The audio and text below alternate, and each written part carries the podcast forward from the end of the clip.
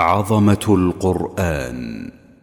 الحلقة الثالثة والعشرون فضائل آية الكرسي. بسم الله الرحمن الرحيم. الحمد لله والصلاة والسلام على رسول الله وعلى آله وأصحابه. أما بعد فمما يدل على عظمة القرآن ما بين النبي صلى الله عليه وسلم من فضل آية الكرسي ومن ذلكم أن هذه الآية أعظم آية في كتاب الله تعالى آية الكرسي. لحديث أبي بن كعب رضي الله عنه قال قال رسول الله صلى الله عليه وسلم يا أبا المنذر أتدري أي آية من كتاب الله معك اعظم قال قلت الله ورسوله أعلم. قال أتدري أي آية من كتاب الله معك اعظم قال قلت الله لا إله إلا هو الحي القيوم. قال فضرب في صدري وقال ليهنك العلم أبا المنذر رواه مسلم. لأنه علم بأن هذه السورة هي أعظم آية في كتاب الله تعالى. من قرأها عندما يأوي إلى فراشه من الليل لن يزال عليهم من الله حافظ ولا يقربه شيطان حتى يصبح كما ثبت ذلك في قصة أبي هريرة رضي الله عنه أنه كان يحرس الجرين فيه الصدقة. فوجد هذا الرجل الذي يحثو من هذا الحب أو هذه الحبوب فقال لأرفعنك إلى رسول الله صلى الله عليه وسلم ولكنه طلب منه أن يتركه لأنه فقير ولأنه عنده عيال فتركه ثلاث ليال ثم قال لأرفعنك إلى رسول الله صلى الله عليه وسلم. فعندما أتى النبي صلى الله عليه وسلم وأخبره بذلك قال النبي عليه الصلاة والسلام أما إنه صدقك وهو كذوب حينما قال له الشيطان اقرأ هذه الآية إذا أويت إلى فراشك فلا يزال عليك من الله حافظ ولا يقربك شيطان حتى تصبح.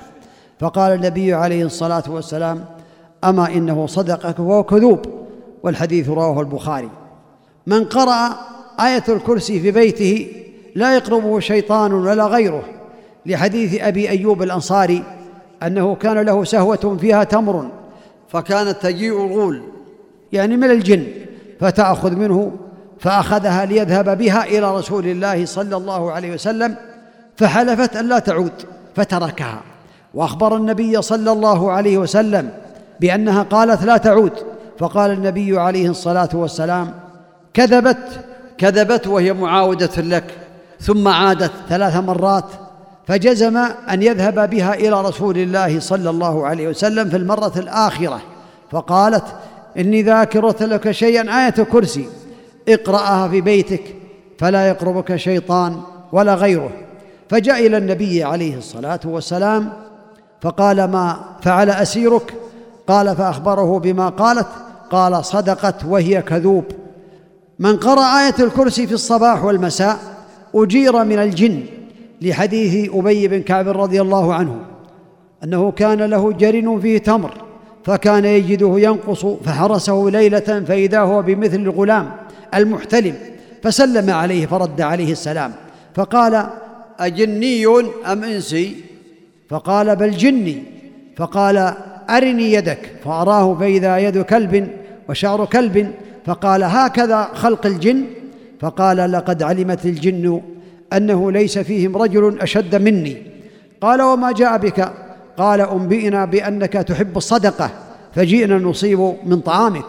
قال وما إن جئنا منكم؟ قال تقرأ آية الكرسي من سورة البقرة. قال نعم. قال إذا قرأتها غدوة أجرت منا حتى تمسي وإذا قرأتها حين تمسي أجرت منا حتى تصبح. فغدوت إلى رسول الله صلى الله عليه وسلم فأخبرته بذلك فقال صدق الخبيث. الحديث رواه الحاكم وصحح وافقه الذهبي وصحح الألباني رحمه الله تعالى. وثبت في الحديث أن من قرأ آية الكرسي من سورة البقرة دبر كل صلاة لم يمنعه من دخول الجنة إلا أن يموت. رواه النسائي وصححه الألباني رحمه الله تعالى. أسأل الله تعالى بأسمائه الحسنى وصفاته العلى أن يجعلني وإياكم من أهل القرآن الذين هم أهل الله وخاصته وصلى الله وسلم وبارك على نبينا محمد وعلى آله وأصحابه أجمعين. جزى الله الشيخ خير الجزاء وجعله في ميزان حسناته. والسلام عليكم ورحمة الله وبركاته.